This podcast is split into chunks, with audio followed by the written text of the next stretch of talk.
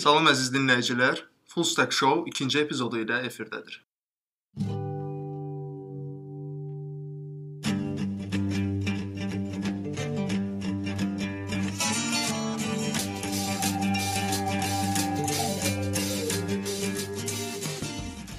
Mən Çingiz. Və mən Ziyəddin. Bugünkü qonağımız Leyli Abbasovadır. Leyli Abbasova Paşabank şirkətində software developer vəzifəsində çalışır.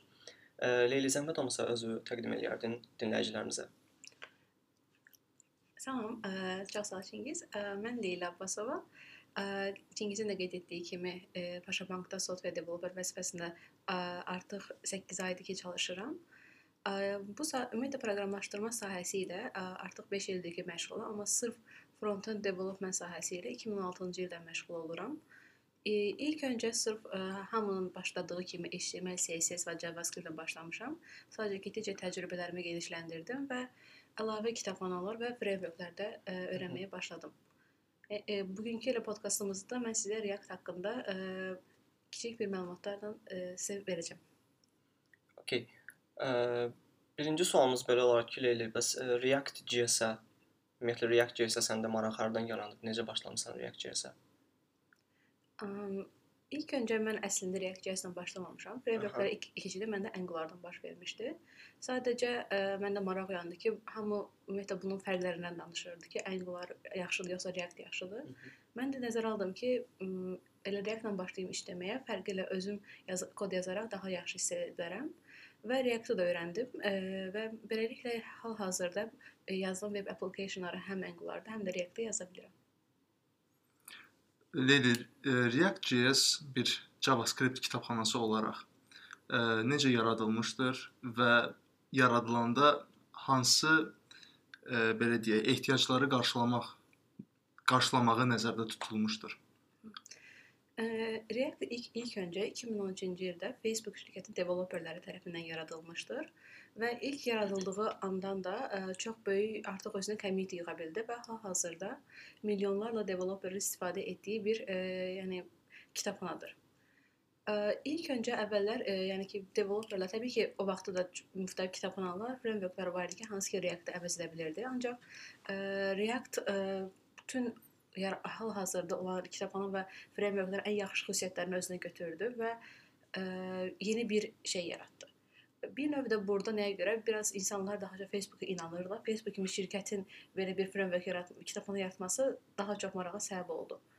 Məsələn, biz ə, hər hansı bir JavaScript-də bir ə, hər hansı bir dəyişiklik edər, edərkən ə, DOM-da dəyişiklik edərkən hər hansı bir şey save etdikdə bütün DOM render olur.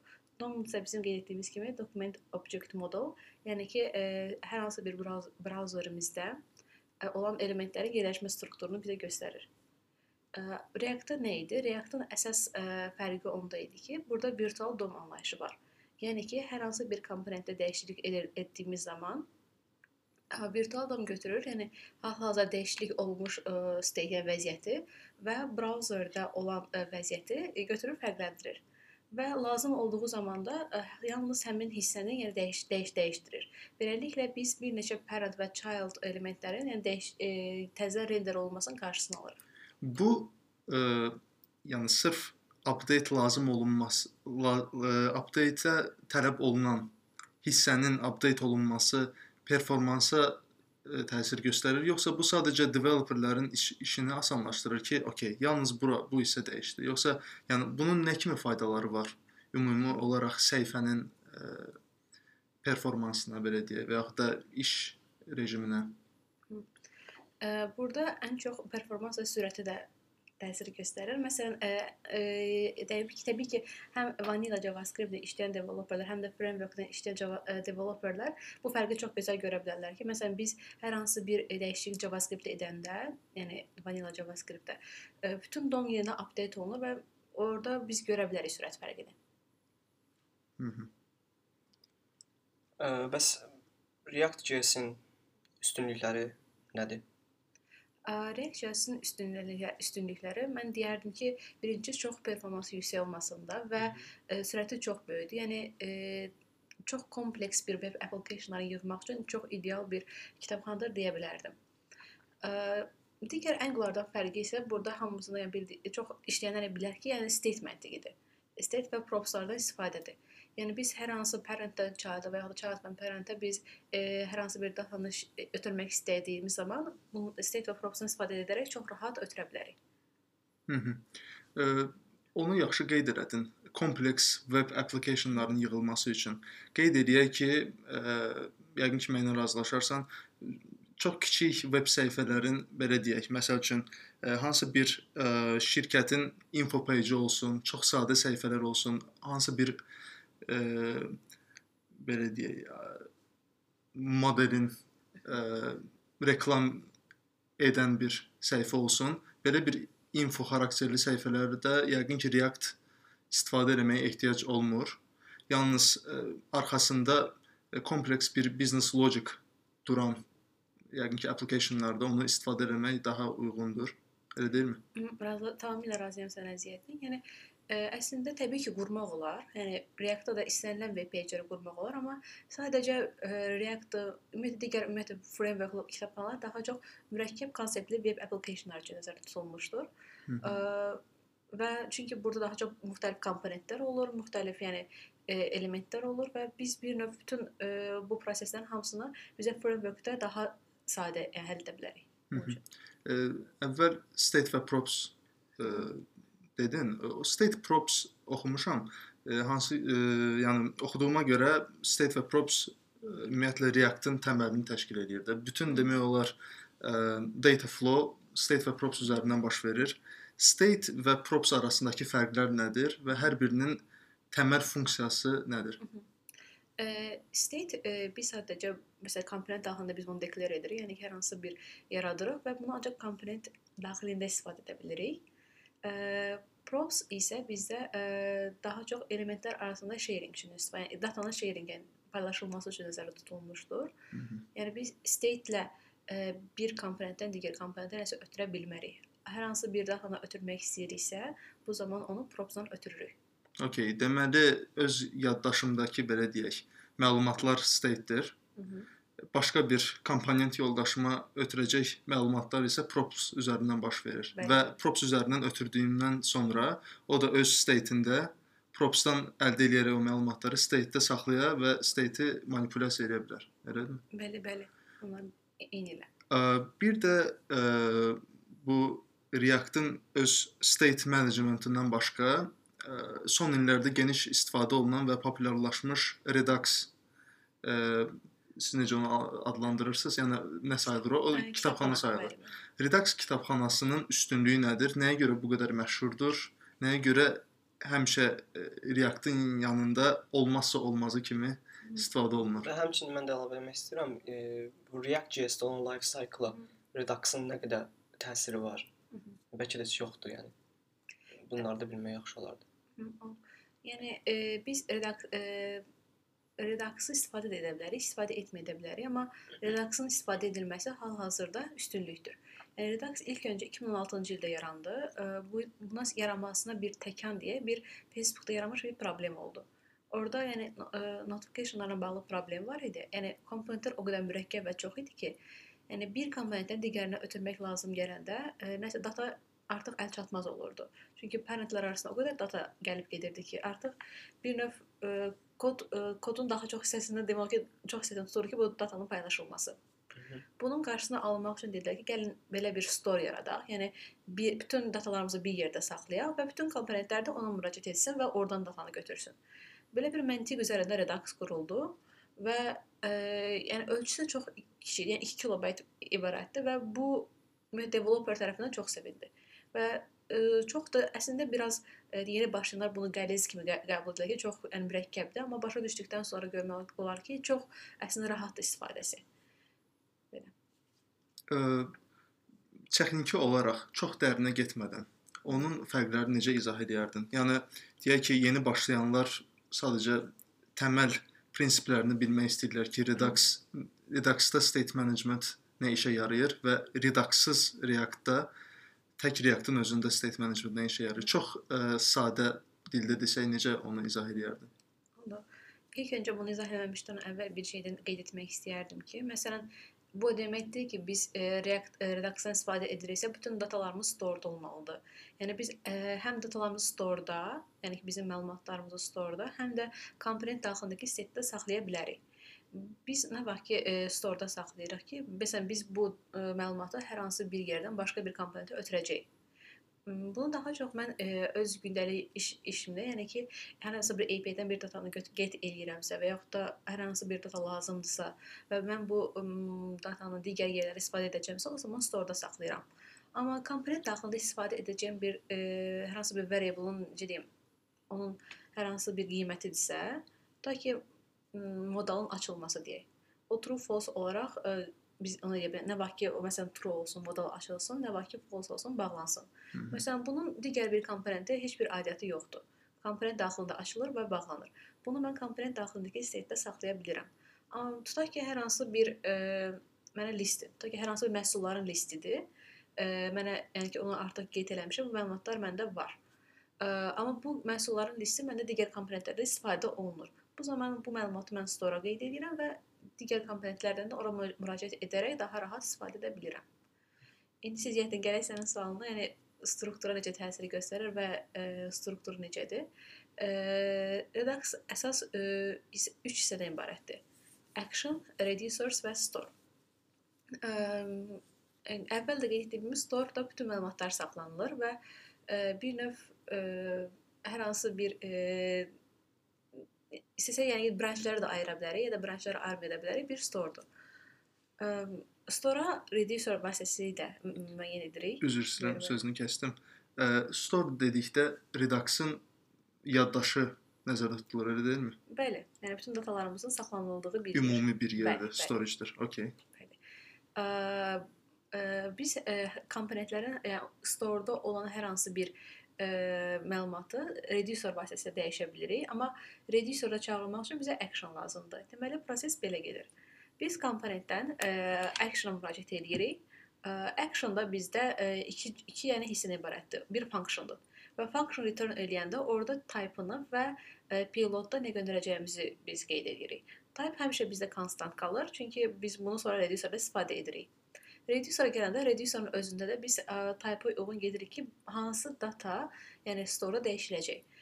Reducer götürür köhnə datanı və müqayisə eləyir. Yəni bu prosesə diffing adlanır. Yəni diffing müqayisə eləyir və təzədən yeni bir state-i e, store-a yazır.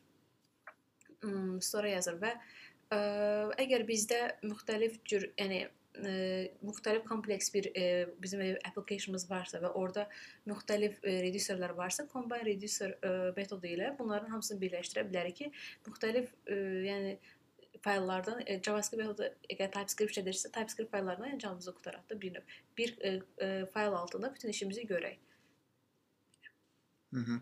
E, əvvəli e, sadə belə deyək, fundamental e, mürəkkəbləşə mürəkkəbləşə hə, getdi. Fundamental konseptlə başlayır storage filan, amma daha sonra hiss edirəm ki, artıq o Redux qaranlığında ə, itirəm.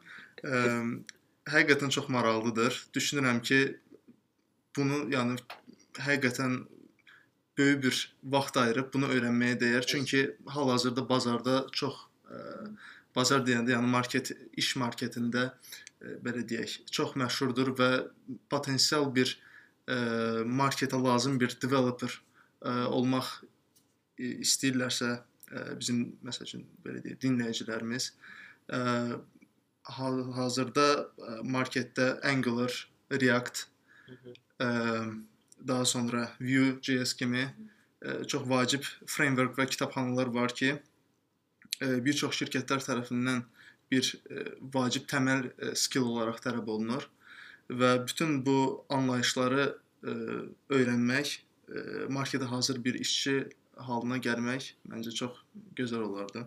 Həm də e, React.js-in community çox dəhşət böyükdür. Mən azca dünən Stack Overflow-da statistikaya baxdım. E, dünən saat 9-da yəni verilən suallara əgər oxşar suallar çıxsaq, yəni həmin anda verilən 141 min sual var idi hansı ki bir-birindən fərqli idilər. Yəni bu böyük bir əslində göstəricidir, yəni. Düzdür, e, bu React-dan əvvəl çıxan və indi daha çox məşhur olan məsəl üçün mobile developmentdən Android, iOS bunlardan aşağı qalsa da, amma yenə də bu qədər 141 min, yəni çox böyük bir göstəricidir ki, hamısı fərqli-fərqli suallardır və yəni, cəmaət hələ də axtarır, hələ də qabağına fərqli-fərqli şeylər çıxır.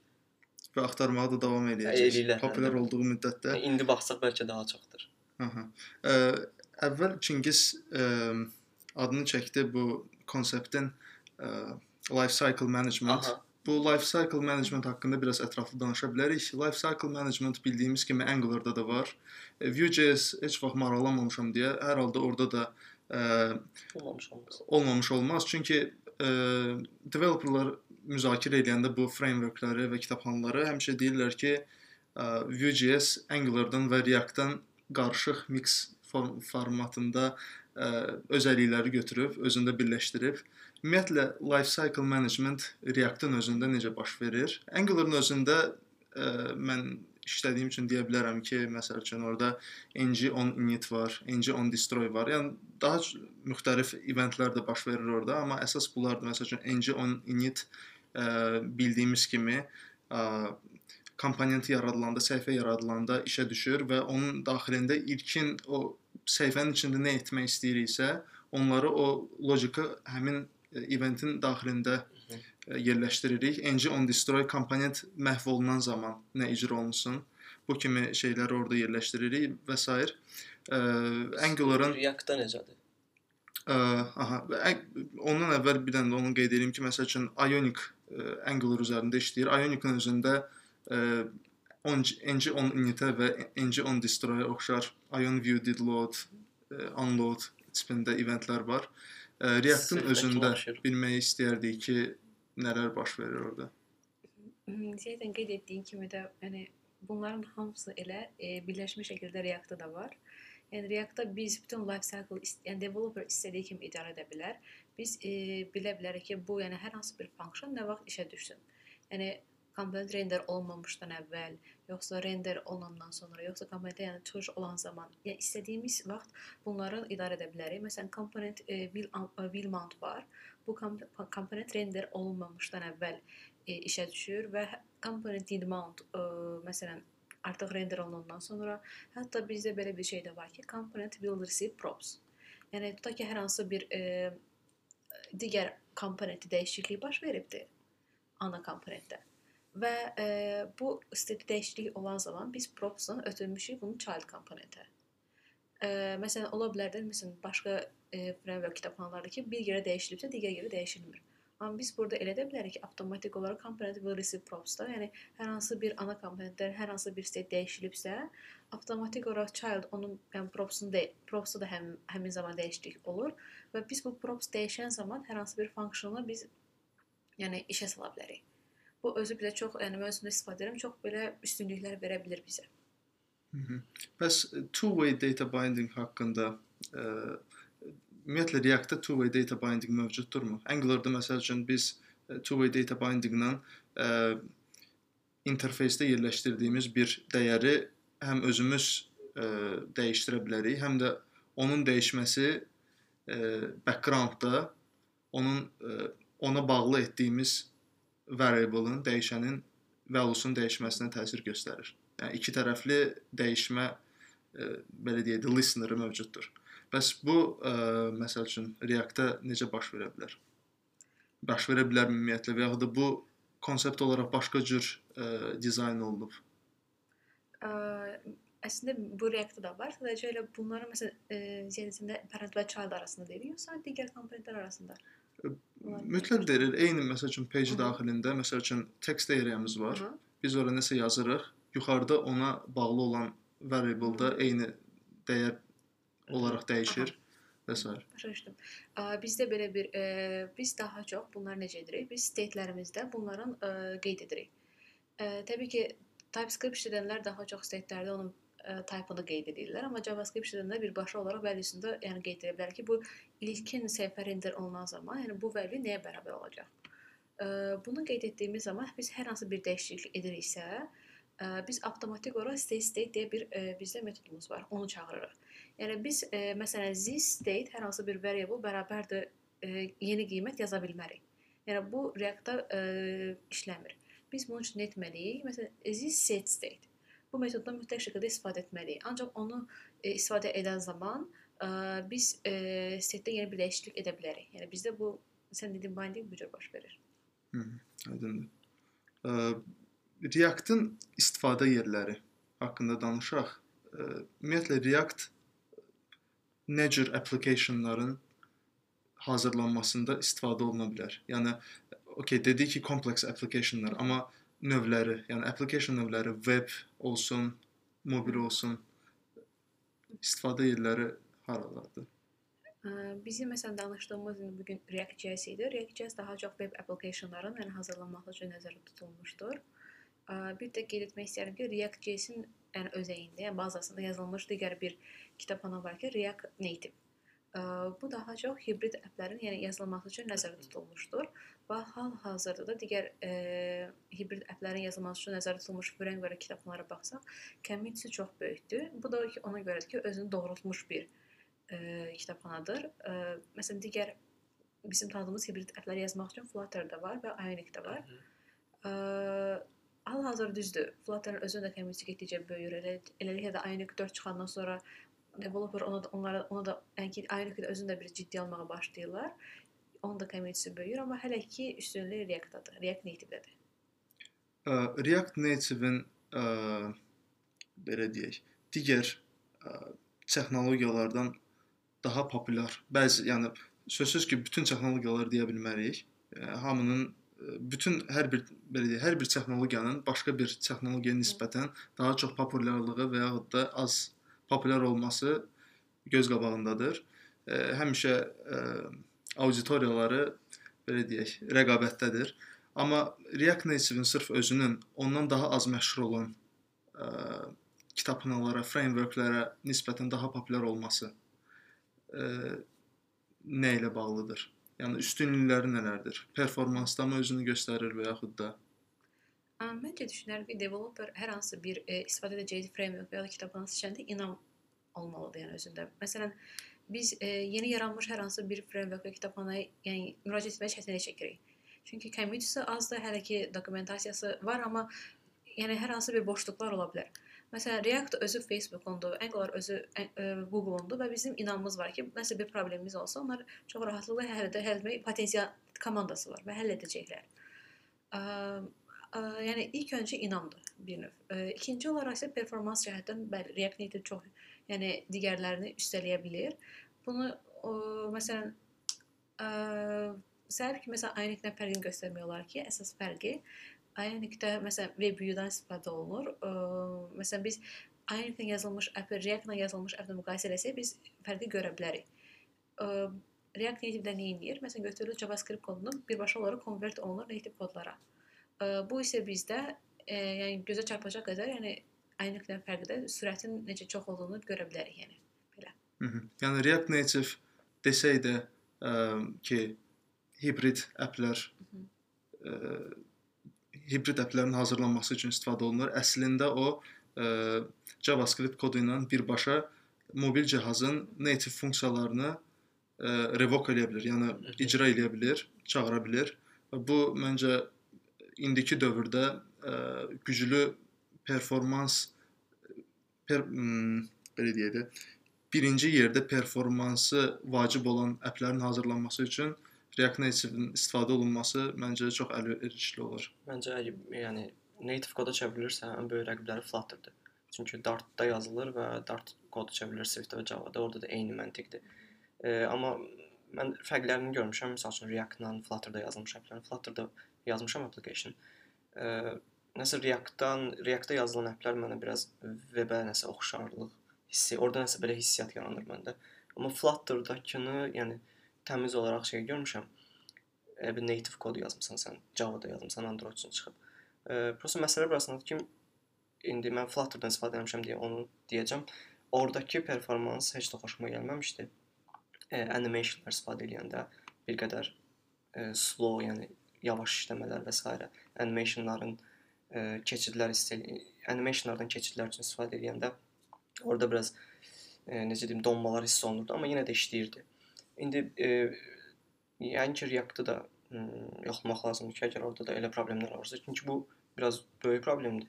İndiki dövrümüzdəki applicationların çoxu demək olar animationlardan istifadə eləyir. Mən mürəkkəb şeylər demirəm də.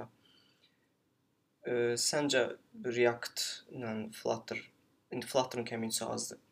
Bunlar arasındakı rəqabət, yəni hansı qalib gələcək səncə? Belə qəribə sual oldu amma yəni. Ə, əslində bir növ ə, rəqabət React hal-hazırda yəni qa- qalib kimidir hələ ki. Yəni birinciliyi özündə saxlayır. O da ki, community böyükdür və developerlara inamı var. Bir də ki, məsələn, bu biz React Native yazılmış məşhur applicationlara baxa, yəni applərə baxa bilərik ki, doğrudan da artıq öz sözünü deyə bilər. Məsələn, elə götürək elə Facebookun öz -hı. Yəni çox gözəl də işdir. Yəni düzdür, təbii ki, ola bilər arada nəsə düzgün. Var. Məndə düzdür, notificationda bəzən problemlər yaranır, amma beləliklə amma bir baxanda bağışlamaq olar. Görə? Çünki çox mürəkkəb appdir. Yəni sosial, sosial şəbəkədir. Yəni bizim hal-hazırda yaşadığımız dövrdə olan ən böyük kütləyə sahib olan sosial şəbəkədir və necə deyək, it works. Onu çox gözəl qeyd elədin, düz qeyd elədin ki, e, bu əvvəl dediyin inam məsələsinə əlavə bir Aha. qatqı verir. Yəni tək deyək ki, Facebook təzə bir library çıxardıb, məşhur oldu. Onunla kifayət eləmir. Şəxsən mənim e, özümdə şəxsən mənim dəyərlənməmdə nə vaxt e, React və React Native e, daha dəyərli oldu belə araşdırdığım zaman, o vaxt ki gördüm ki, showcase bölməsində Airbnb, Facebook kimi böyük vacib, yəni biznes logikların idarə olunduğu applicationlar React Native istifadə edir. Onda dedim ki, hə, deməli bunda nəsə var ki, yəni elə belədən durub cəmaət buna investisiya, vaxt və enerji sərf eləməz, resurs sərf eləməz. Ə, və ümumiyyətlə bir şey də qeyd edeyim fun fact olaraq. Podkastdan yəni kənar Çingizdən elə soruşacaqdım ki, Flutter-ın performansı necədir? Çünki yəni React Native Ionic-dən fərqli olaraq Flutter birbaşa ə, native mühitdə Aha. fəaliyyət göstərir. Mən, Mən belə başa düşdüm ki, hələ də- deyəsən Flutter-ın tərəfdarıyam. Hibriddən həmişə qaçmışam. Amma React-ə çox keçməyəcəm, onu dəqiq bilirəm. Hı -hı. Ə, yəni inanıram ki, Flutter indiyə inkişaf edib. Mənim test elədiyim 6 ay əvvəldən idi. 6 ay əvvəldən danışıram. Hı -hı. İndiyə məncə o performans problemlərini həll ediblər artıq. Hətta mən həmin Flutter-a keçməmişdən qabaq ə, bir məqalə oxumuşdum həmin vaxtda. Bir şirkət var idi, böyük şirkət. İndi adı yadımdan çıxıb. Onlar React Native-dən ə, ümumiyyətlə imtina edib tamamilə Flutter-a keçdilər. Bütün applicationlarını təzədən yazdılar, rewrite elədilər və onların yazdıqları məqaləyə əsasən onlar yəni React-dan Flutter-dan çox razıdılar yəni. Yəni o qədər razıdılar ki, ə, artıq React-ə qayıtmaq belə istəmirlər. Yəni Hı hı. o o o biraz məndə inam yaratmışdı o cəhətdən. Ona görə mən Flutter yəni başladım test eləməyə və bilmirəm, məncə performansı düzəldiblər indi indiyə. Sən yəni son aylarda Yox, Ə, istifadə eləməmişəm. mobil Hə, ona görə Aha. tam dəqiq deyə bilmirəm bir şey. hər halda tam production ready ə, olmasını, yəni Aha. bilmədən Stable biraz- çıxıb artıq. Stable version stable çıxıb. hə, o dediyin animasiya problemləri həqiqətən düzəlibsə, yəni digər baqlar da düzəlibsə, hə, yəqin ki, artıq Aha. onu istifadə etmək olar. Amma yenə də hər halda nəzərə almaq lazımdır ki, şirkətlərin resurs, vaxt etibarı ilə ə, azadlıqları nə qədərdir?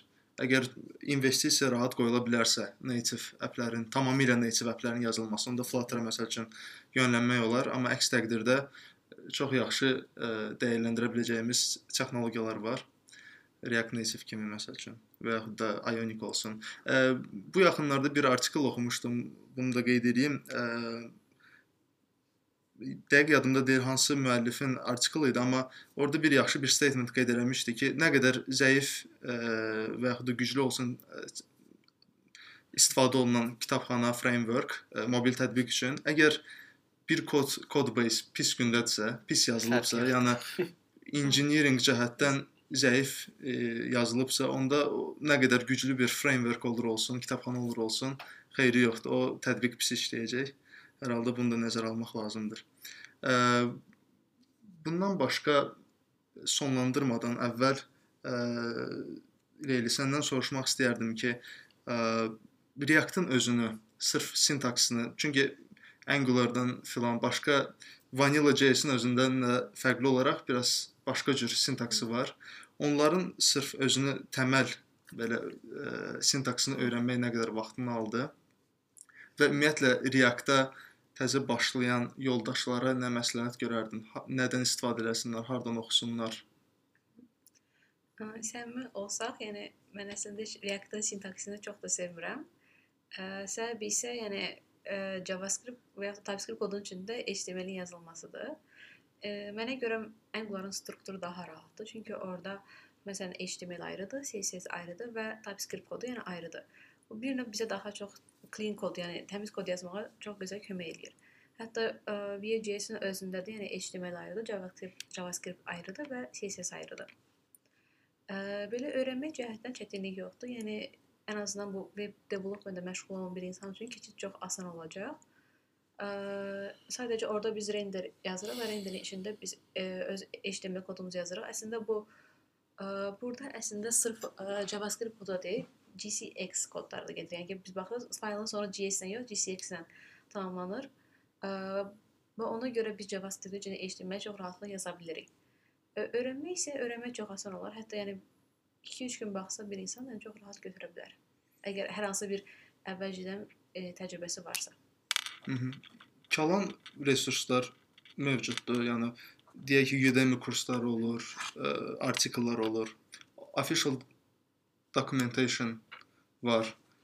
Səncə bunlardan hansına birinci üst tutmaq daha yaxşı olar? Düzdür, sözsüz ki, hər bir adamın şəxsən özünün ə, fərqli resurslardan fərqli formada götürmə qabiliyyəti var. Məsələn, bir adam videoları xoşdur, ondan daha rahat öyrənir. Amma ümumilikdə götürsək hansı səncə daha effektivdir ilk başlamaq üçün? Ə, Əgər ə, bu sahədə ilk başlayan bir şəxsdirsə, mən ə, tövsiyə edərdim ki, ilk öncə iki yəni resursdan istifadə etsin. Bir istifadə edəcəyi framework və ya da kitabxana dokumentasiyası, yəni özünün yəni rəsmi dokumentasiyası oraya nəzər yetirsin.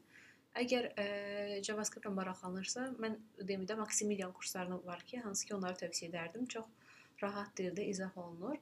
Ancaq ə, bəzən mən məsələn özüm də baxanda bəzən digər şəxslər özləri mənə deyirlər ki, məsələn videolara baxdıq, videonu bağlayıram və heç yadımda qalmır, oturub sərbəst yaza bilmirəm.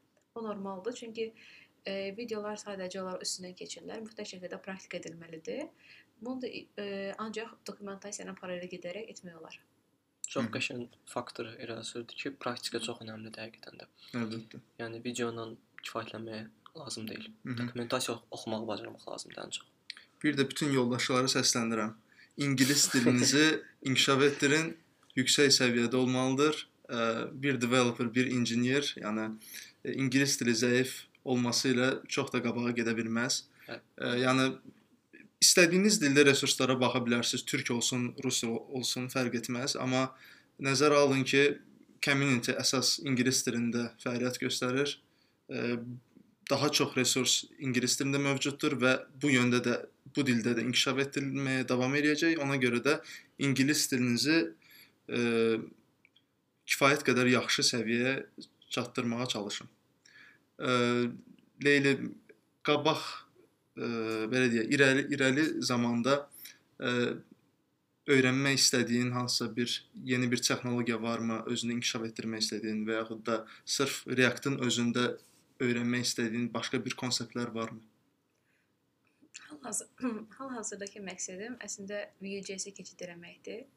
Artıq Angular-dan React-a bilirəm və fərqini görə bilirəm, yəni real praktiki mühitdə və React Vue.js-ə keçib on, ə, üçünün birdən fərqləndirməsini etmək istəyirəm və bu podkastdan sonra yəni ki Flutter-ə də baxacağam. Çünki həvəslən, həvəsləndirdi baxmağa. Yəni beləliklə ə, Flut- artıq ə, Flutter-də öyrənsəm, Ionic, React Native və Flutter üçün fərqini birlikdə, yəni real praktiki mühitdə görə biləcəm. Onları öyrənib bitirəndən sonra artıq yeni bir epizod çəkərik. İçinin fərqləndirməsi ə, və sonlandırmamışdan qabaq. O üzr istəyirəm sözünü kəsdim. Ümumiyyətlə React Native-dən bir qədər danışdıq, amma ə, məncə React Native və mobil tətbiqlərin ə, yığıldığı, yəni istifadə olunan texnologiyalara ayrı bir epizod ayırsaq məncə çox yaxşı olar. Əlbəttə. Çünki orada da bir aləm danışılası söz var. Ə, konseptlər var. Belə. Ə, sonlandırmamışdan qabaq ə, bizim dinləyicilərimiz üçün məsləhət görə biləcəyin 3 3 kitab. Ə, okay. Ə, üç kitab ə, daha çox ə, mən ə, bədii kitabları götürsəm, Master Mhm. və Margarita'nı çox sevdim. Yəni Mhm. Bulgakovun kitabını. Ə, sonra Hararinin kitablarını oxumağı tövsiyə edərdim. Yəni e, çox gözəl kitabları var. Ə, və bir də ki, mən Dostoyevskini daha çox sevirəm. Dostoyevski. Əla. Çox sağ ol Leyli. Ə, bu gün bizə qoşulduğun üçün və dinləyicilərimizi ətraflı məlumat verdiyin üçün React.js barəsində. Bugünkü epizodumuzu dinlədiyiniz üçün çox sağ olun. Ə, Sizinlə Full Stack Show idi. İkinci epizodu ilə növbəti epizodlarda görüşənədək hələlik.